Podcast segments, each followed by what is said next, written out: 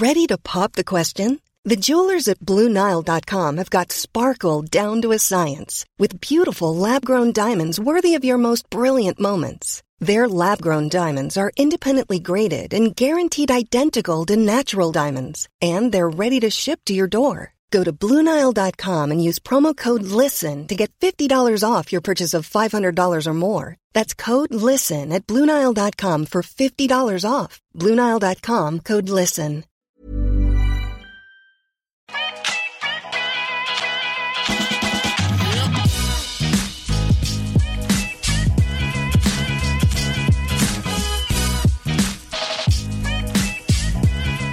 I dagens avsnitt så träffar jag Hedda Spendrup som brygger öl.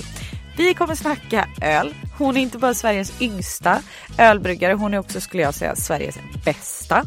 Eh, det som hon gör unikt tycker jag är att hon öppnar upp ölvärlden och försöker bjuda in fler för att våga testa roliga smaker. De blandar, de gör unika ölsorter och de väver in köket på, från hennes restaurang bland annat eh, på Omaka eh, för att den ska passa till så mycket som möjligt. Det ska vara lite mer fruktigare smaker. Sjukt kul story att höra om hur hon hamnade just i den här karriärbanan.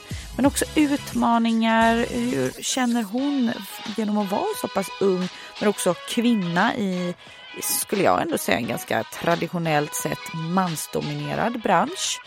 Hon bjuder, med, hon bjuder på, på en jättehärlig story och eh, jag tror att ni verkligen kommer tycka om den. Hej Hedda! Hej Sanja! Så jäkla kul att ha dig med. Ja, men jag tycker det är så underbart. Jag blir så glad av att vara med dig. Du är så varm och jag blir så bekväm här. Ja, men det känns samma. jättemysigt. Och det känns så avslappnat och det är Mm. fredag när vi spelar in. Mm, verkligen. Vi kommer ju prata mycket om ditt yrke, om dig, hur du har hamnat där du är men också vart du är nu och framtid. Jag tänker så här. Någonting som står mycket i rubrikerna är ju att du är landets yngsta och jag skulle även säga bästa brygg, bryggare. Med bryggmästare står det ju. Vad är det och hur kommer det sig att du har valt den här karriären? Eh, ja, men vi pratade ju lite om det innan. Bryggmästare är egentligen för mig två titlar. Antingen är det en, en utbildning eller ett jobb. Och i jobbet är, är du då chefsbryggare på ett bryggeri. Vilket jag är. Men man kan ju också utbilda sig som bryggmästare och då kan man få liksom en ingenjörsutbildning och bli diplombryggmästare. Eller så kan man gå en certifierad bryggmästare som jag har gått. Eh, som är en kortare utbildning som eh, ja, är liksom mer intensiv i, i Tyskland som jag gick. Som är jättebra men den är inte lika avancerad som diplombryggmästare. Okej. Hur kommer det sig att du ville jobba med öl? Jag ville inte det. Hur hamnade du där? Eh, men min familj är bryggare Ja. eh, rakt igenom. Eh, och jag hade nog alltid sagt att jag verkligen inte skulle gå i pappas fotspår. och jag skulle inte jobba inom familjeföretaget och jag skulle göra någonting annat. Jag ville bli marinbiolog. Eh, och rädda världen. Och jag har alltid älskat natur och djur och vara utomhus. Eh, så det var min tanke från början. Men sen så började jag jobba på Spendrups efter gymnasiet för att tjäna pengar och åka ut och resa. Eh, och insåg vilket underbart företag det var att jobba i och branschen är fantastisk och det är så roliga människor och roliga produkter. Och framförallt det att jobba på sitt familjeföretag och vilket driv det, det innebär. Eh, så jag blev fast. Så när jag hade varit ute och reste så kom jag tillbaka och började jobba på vår produktutvecklingsavdelning. Är det en utmaning att jobba med sin familj? Ja, absolut. Definitivt. Men det är också otroliga möjligheter. Det är både plus och minus på så många sätt och vis. Ibland vill man bara slita sig i håret och springa därifrån. Men mesta delen av tiden tycker jag att det, är, det finns något väldigt fint och kul i det. För att man blir så otroligt engagerad. Och man driver varandra och pushar varandra och försöker utveckla varandra på ett sätt som är jättefint. Um, och man är så mån om att alla i familjen mår bra och att alla får den utbildning och den väg som de känner sig bekväma med. Och det betyder inte att alla ska jobba inom företaget men på något sätt vill man gärna engagera alla att ta del av företaget på något sätt. Mm. Nu hör man min hund nosa. ja men det är ingen fara, det är bara mysigt med lite sällskap. ben. Men, eh, men då växte alltså intresset fram. Mm. För du brygger ju, jag har ju varit och druckit din öl, du brygger ju fantastiskt god öl. Så att, växte det fram? Absolut. Ja, men så jag började jobba på produktutvecklingen och en del av mig har alltid älskat mat och dryck och smaker och så här att få fram den typen av... Ja men alltså att få folk att njuta av en produkt som man har skapat. Eh, och när jag var liten så brukade jag blanda ihop läsk och sälja ute på gatan. eh, vilket jag tycker är jättekul. Och jag tror att det, det var nog det som fångade mig mest. Att få utveckla en, en produkt eller en dryck som, som folk älskar och som folk njuter av. Och som är deras unning i, i vardagen. Det här kanske är en jättedum fråga, men hur gör man? Öl. Ja. Bara lite sådär kortfattat, gå inte in på så här Blanda ihop lite. Nej men man, det är ju, eh, grunden är ju malt, humle, jäst och vatten. Mm. Eh, och det är de tyska renhetslagarna som det kallas. Det är en lag som stiftades för eh, massa herrans år sedan för att eh, säkerställa eh, renlighet i produkten. Eh, så i grunden så blandar man malt och vatten eh, och sen så försöker man utvinna eller bryta ner stärkelsen i, i kornet eller malten till mindre sockerarter som sen jästen kan jäsa. Så i början så skapar man en vört som är en sockerlösning i princip, typ som druvjuicen i vinet. Och sen så kokar man det tillsammans med humle för att få ut beska och sen kyler man ner det och tillsätter jästen. Och då så äter jästen sockret i ölet och bildar alkohol och eh, massa smakämnen och kolsyra och så. Och man kan under hela den här resan också tillsätta mer humle för att få en annan aromatik eller vi tillsätter mycket frukt och bär och kryddor för att få en helt annan typ av eh, öl.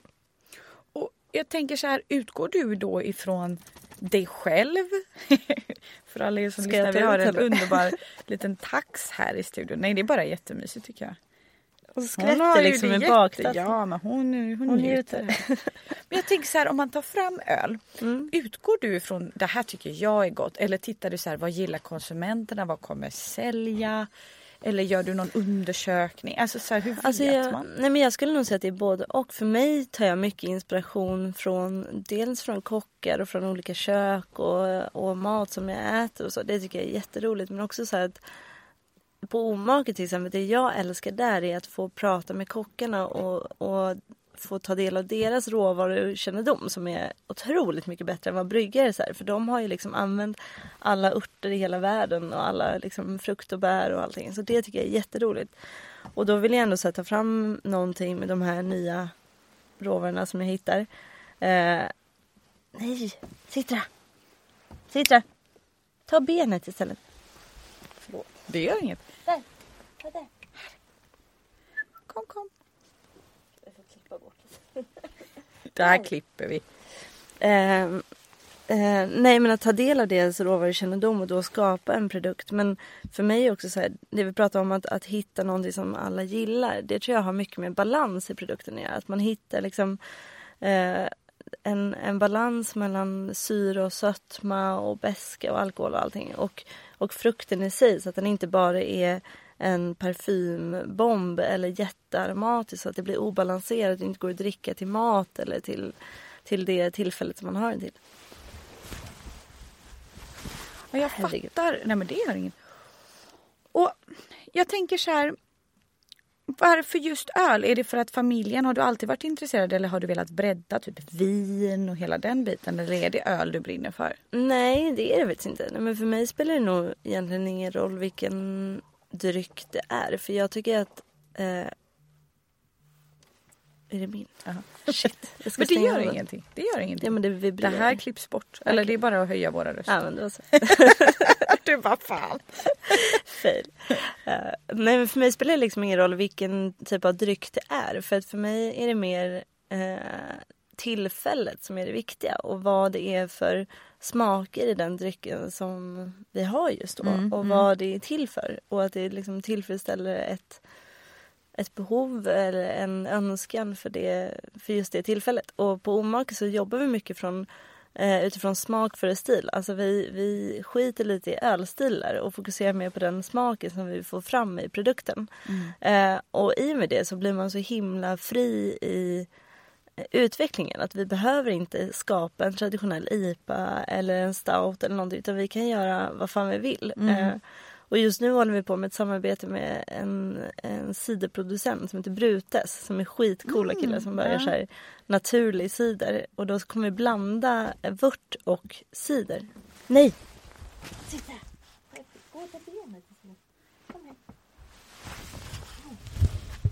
Där är ben. Kom, kom.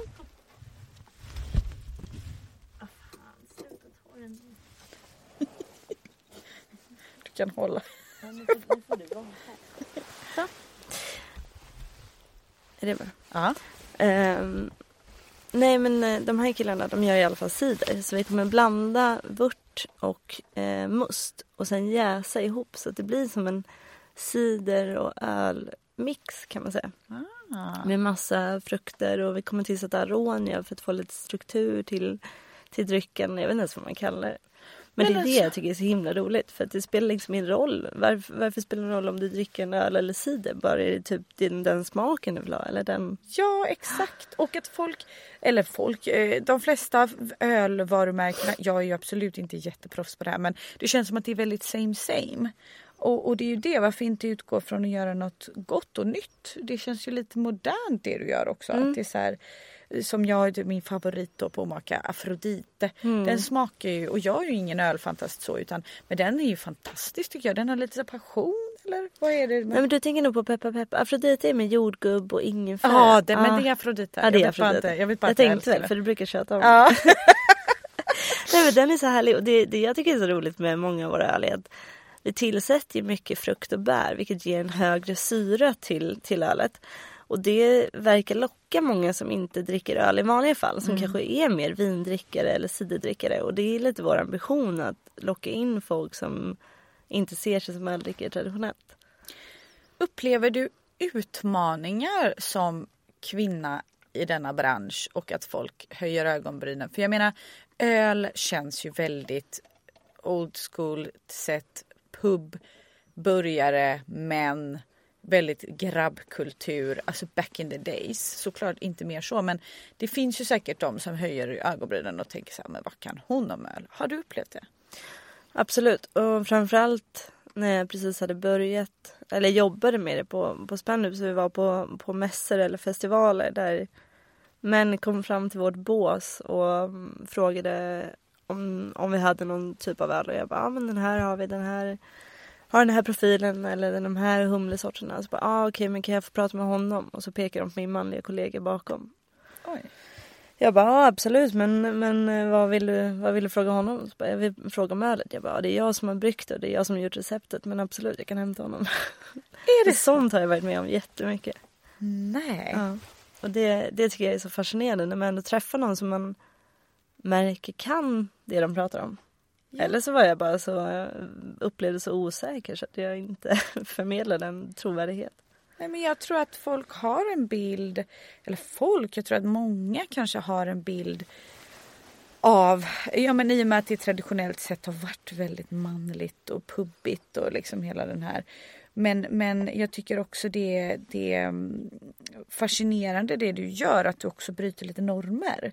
Eh, och att du, du brygger egen öl och att du eh, ja, men just att du har fått uppleva det är ju hemskt men förhoppningsvis förändra någonting eh, och få folk att se på det annorlunda.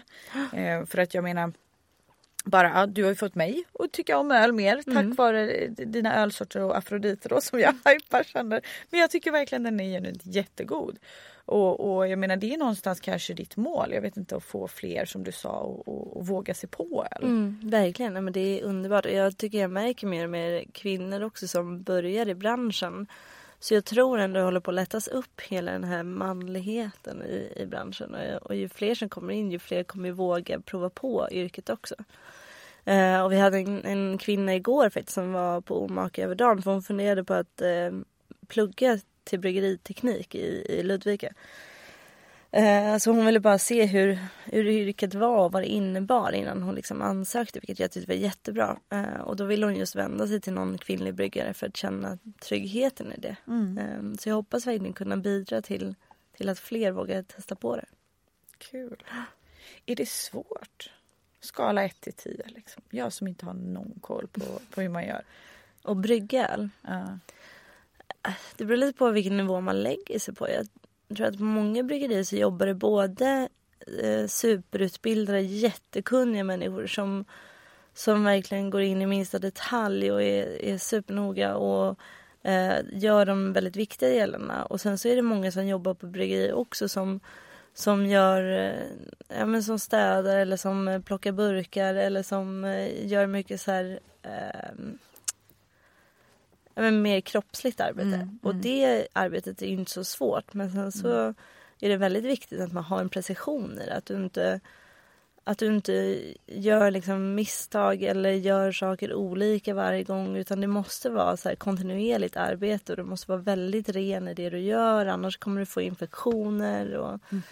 Så det är väldigt viktigt att du gör allting noggrant men alla kan absolut jobba på bryggeri på olika nivåer. Mm. Sen är det väldigt lätt att så här, klättra och lära sig och bli bättre och bättre med tiden. Och jag tänker, är det svindyrt att man måste kasta massa pengar in på någonting? Låt säga att jag vill ta fram en ny ölsort. Och, och till att få till den här ölsorten och få den god måste man prova sig fram hur mycket som helst. Nej men det beror också lite på. Jag, eh, vi har köpt ett litet minibryggverk till Omaka som är jättesmart. Det är bara 30 liter så där kan vi slänga i och testa massa olika ingredienser eller olika eh, sorter eller vad vi nu vill göra. Eh, och då har vi inte producerat en tusen liters batch som vårt stora bryggverk är på. Ah, nej. Så då behöver vi inte hälla ut en jättestor mängd om det är så att det blir dåligt. Eh, och samma sak kan man göra hemma i köket. Man kan göra öl på spisen i en stor kastrull om man vill det. Wow. Så att det är inte så här superstor investering i att bara testa. Men eh, det är klart, ju, ju större det blir ju dyrare blir det.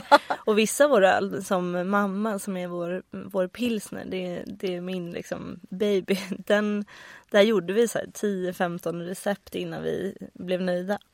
Så att eh, vissa blir ju lite längre utveckling eh, innan man liksom hittar rätt. Aha, ah, wow, det är ändå...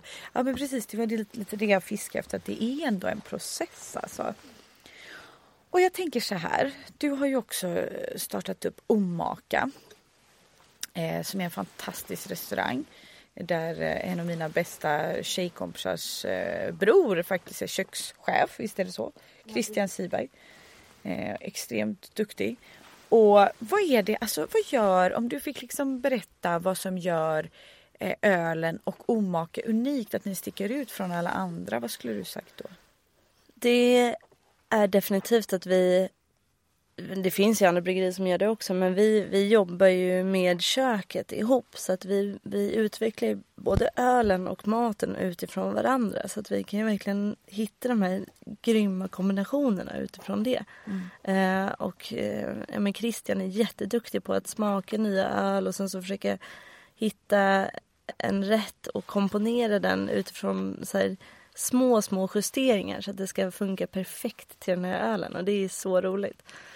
Ehm, men sen också att vi har det här samarbetet mellan bryggeri och kök och så här, dela erfarenheter och ingredienser och de tar öl från oss för att göra bröd och vi tar lite råvaror från dem för att testa nya grejer. Och, ehm, det skulle jag säga är det mest unika med oss. Eh, och sen också att vi inte är bundna till ölstilar eller till specifika sätt att göra saker på utan vi känner oss väldigt fria i det vi gör och skapar utifrån lust och engagemang. Ja, jag förstår det. Wow. Och, och, och lyxen att kunna påverka och ha det precis som man vill. Det måste ju någonstans vara det bästa. Men vad ser du liksom för utmaningar eh, med, med ditt yrke och, och liksom den verksamhet du bedriver? Vad är ditt, liksom det tuffa dagliga eller liksom det, det, ja, utmaningarna som du ser? Det svåraste för mig personligen är att jag eh, aldrig har drivit restaurang. Och sen så har ju vi anställt grymma människor som verkligen håller i driften eh, jätte, på ett jättebra sätt. Men det är svårt ibland när jag blir inblandad i frågor som jag kanske inte har erfarenhet av. Eh, och försöka bolla det med att precis ha startat ett bryggeri också. Jag har aldrig drivit ett eget bryggeri heller. Så det, det har varit väldigt mycket samtidigt. att så här, bara det faktum att man ska försöka ha råvaror i bryggeriet varje dag. Det har liksom inte varit en självklarhet. Så ibland har vi stått där i bryggan och bara men jag har inte ens malt till den här ölen som vi ska göra idag. Um, så det har varit mycket liksom, nya grejer som har hänt och mycket att bolla med samtidigt. Uh, så det är nog den största utmaningen. Sen så har vi sen vi öppnade levt i en coronavärld som har varit mm. väldigt tråkig. Um, så jag hoppas bara på att så här, det kommer släppa snart så vi får se verkligheten med Omaka och kunna blomstra och göra allt det vi har velat göra. För vi vill ju verkligen skapa en oas av roliga grejer som händer. Mm. Mycket band och mycket värme och liv och rörelse. Och det har man inte fått göra nu så det är väldigt... Ja, förhoppningsvis nu blir folk vaccinerade och mm. ni har ju jättehärlig uteservering där man kan sitta också. Um, nej men jag förstår helt vad du menar och jag menar du som, som entreprenör då, du är ju också som du säger inköpare HR-person, eh, ekonom. Alltså du vet mm. man ska göra så många Allt. olika grejer och ha så många olika hattar. Så jag fattar vad du menar. Men att så här, oj det har jag inte tänkt på. Um, och och um, vad skulle du säga för att jag menar det är, jag kan anta att det är väldigt mycket jobb. Hur gör du liksom för att balansera och hinna med och orka med allt?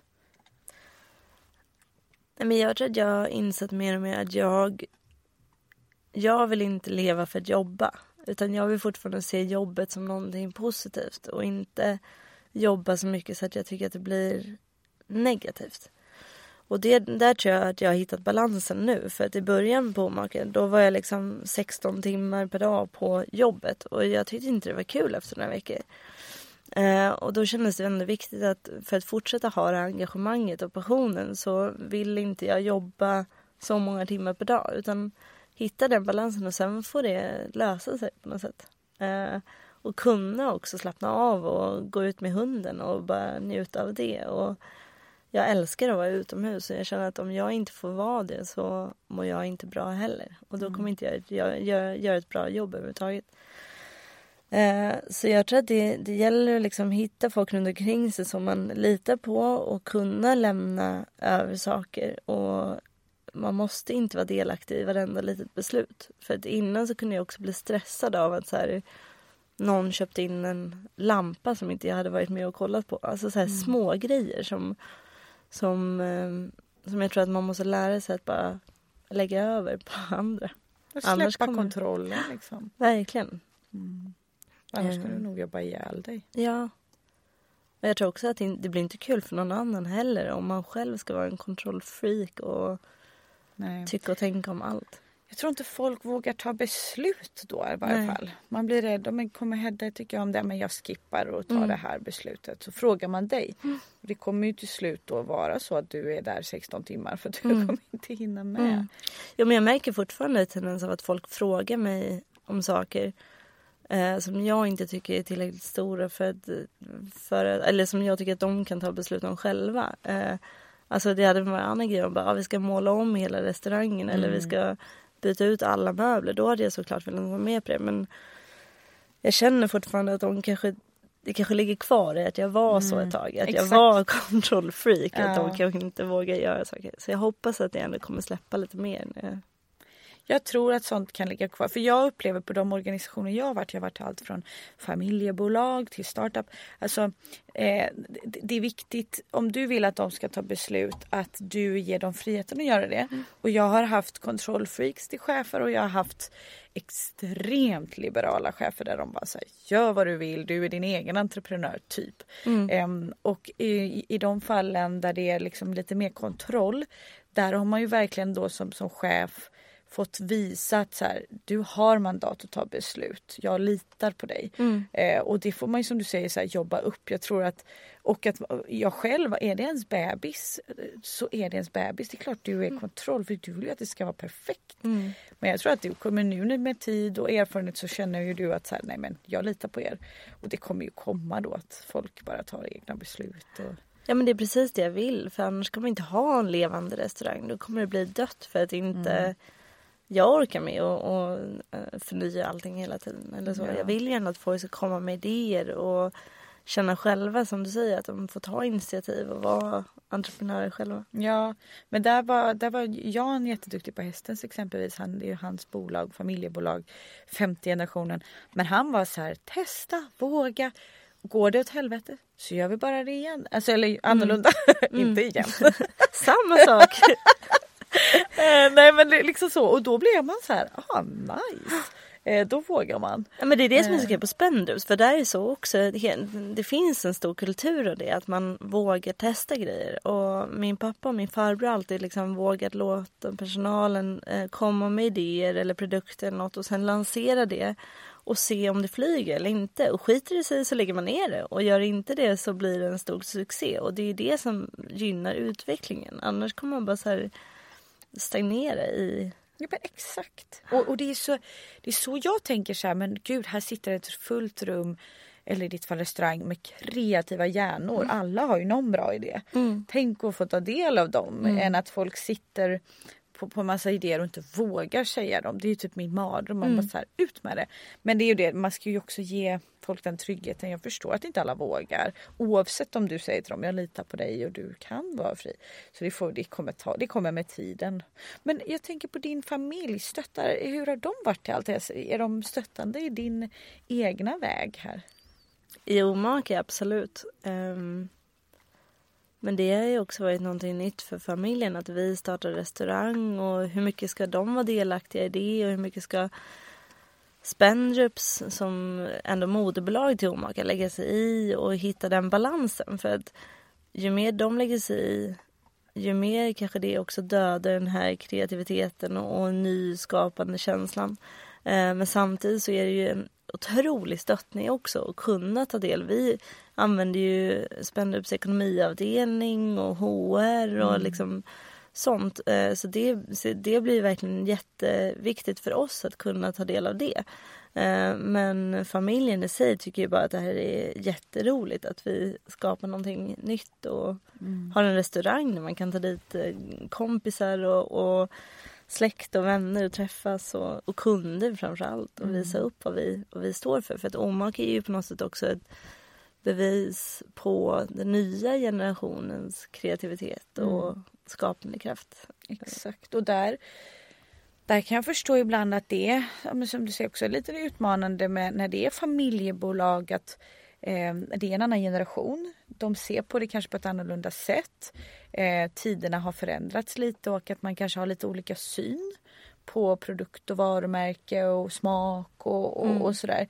Eh, så jag tycker också det är intressant att som du säger att du kör på och att, att det är en liten ny tid och vara kreativ. Um, upplever du så här att du får ibland kämpa för, för din sak? Att du är så här, men det här är det nya taket på Spendrups eller är det? Jo, absolut. Det var det var ett tag. Alltså jag älskar ju konst mm. eh, och för mig var det viktigt att Omakens toalett skulle bli en centerpiece. För det älskar jag när man kommer in på en restaurang ja, och det, det blir så snackis. Underbar toalett! Ja men jag tycker den är underbar. Så att jag hade från början en tanke om att vi skulle ha en fontän av näsor som snorade vatten där man skulle tvätta händerna. Eh, och sen så vår arkitekt som vi jobbar med kände Eh, den här keramikkonstnären som har gjort vår vår, eh, vår fontän idag. Eh, och hon hade gjort några bröst som var helt otroliga i keramik. Och jag ville liksom att toaletten skulle bli lite Nikita-Sanfal-inspirerad så då så tänkte vi om och så tänkte vi att det kunde vara bröst som sprutar vatten i en stor fontän. Underbart! Jag älskar det och det var ju lite så kontroversiellt ja. på, i familjen och det var några som tyckte kanske att det var lite att gå liksom Ja men tänk om vi blir metooade eller tänk om det är sexistiskt. Jag bara, nej men tvärtom, det är ju verkligen inte det. Det här ja. är att hylla kvinnor eh, liksom i hela världen och um, jag vet inte, är, den är ju byggd av alla olika former och färger också så att man ser ofta tjejer stå där inne och bara det här, det här är nog mina. Och, så. Nej, men alltså, och jag älskar ju bröst, jag står för det. Och, ja. och den är, alltså, jag tycker det är, det är bästa med omak. Ja men jag tycker också det.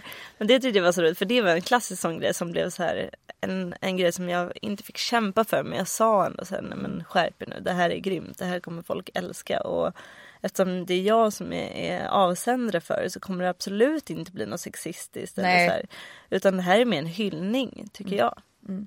Mm. Och att så här, lite från ett så här, nu då jag som är marknadsförare från ett PR-perspektiv också lite roligt. Folk kanske tar bilder, mm. delar med sina vänner. Det blir någonting unikt för det är ju någonstans det man vill idag. Alltså sticka ut fast på ett äkta sätt. Och, och, det här är ju genuint någonting du tycker om. Du gillar konst. Det blir ju väldigt Hedda. Mm. Det speglar sig ju som du säger fint då när du är avsändare.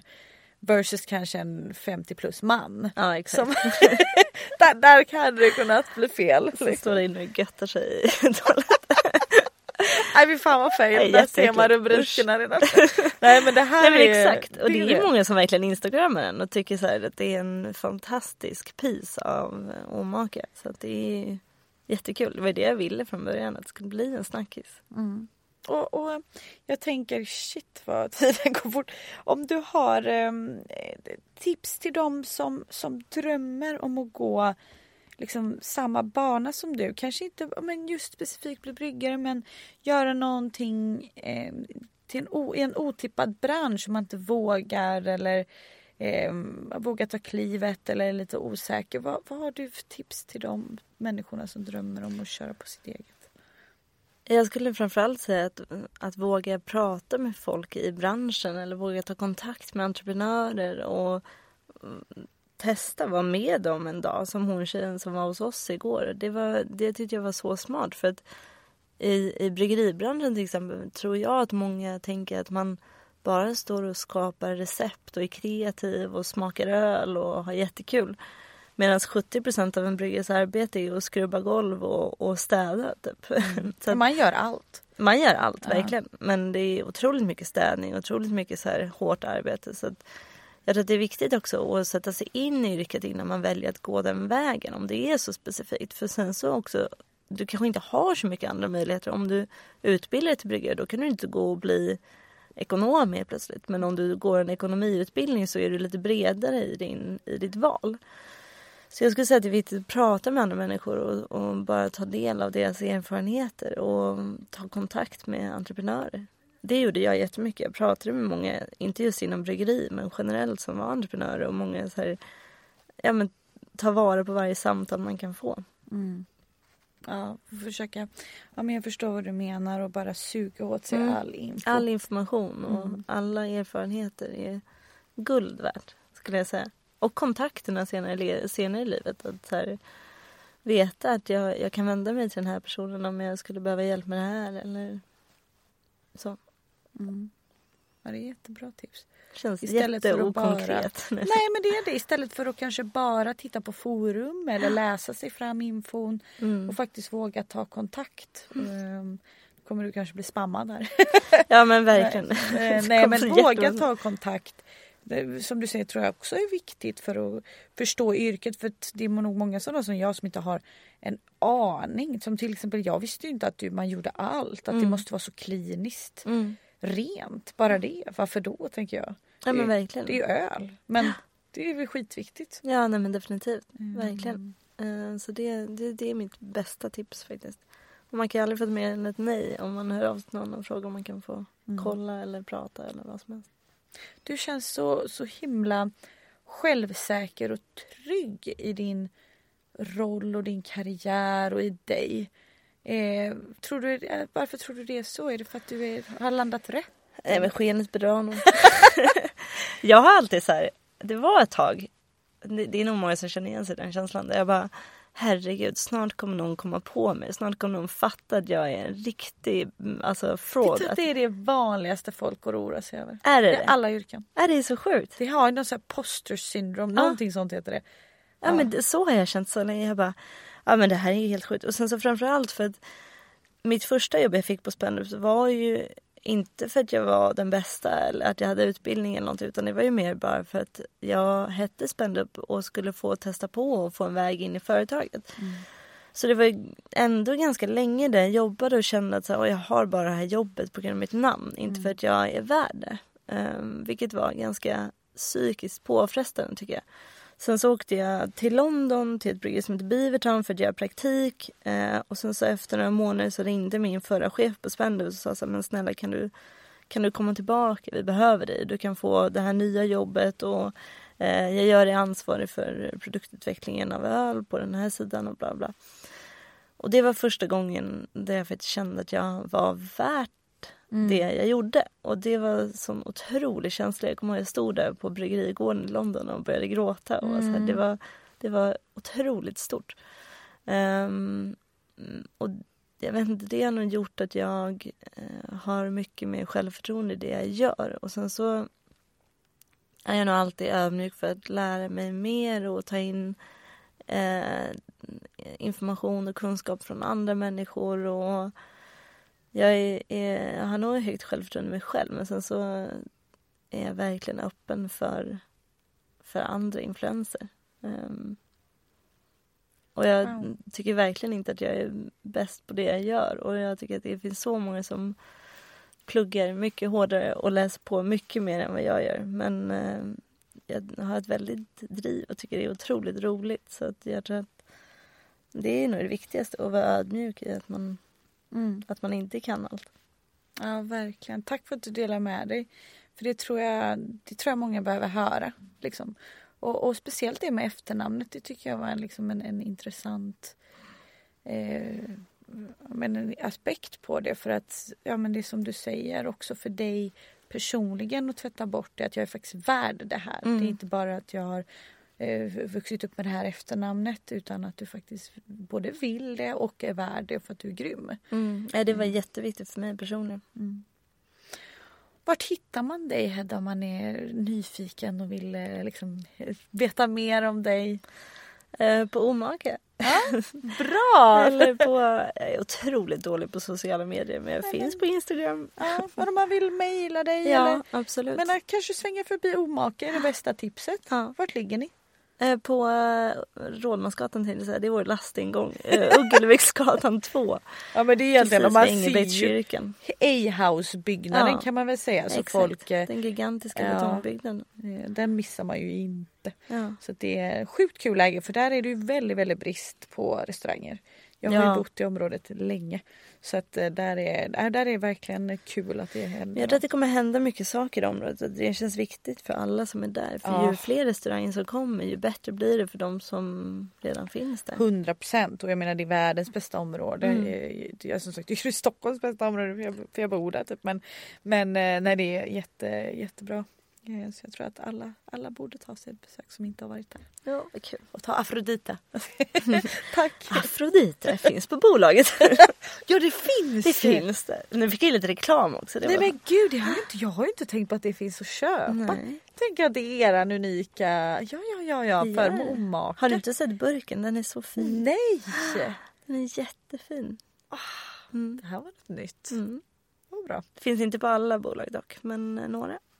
Då får man ju fråga så att de köper in något. Precis. Tack så jättemycket Hedda. Tack Sonja. Ja, det är grymt. Gick det bra? Ja.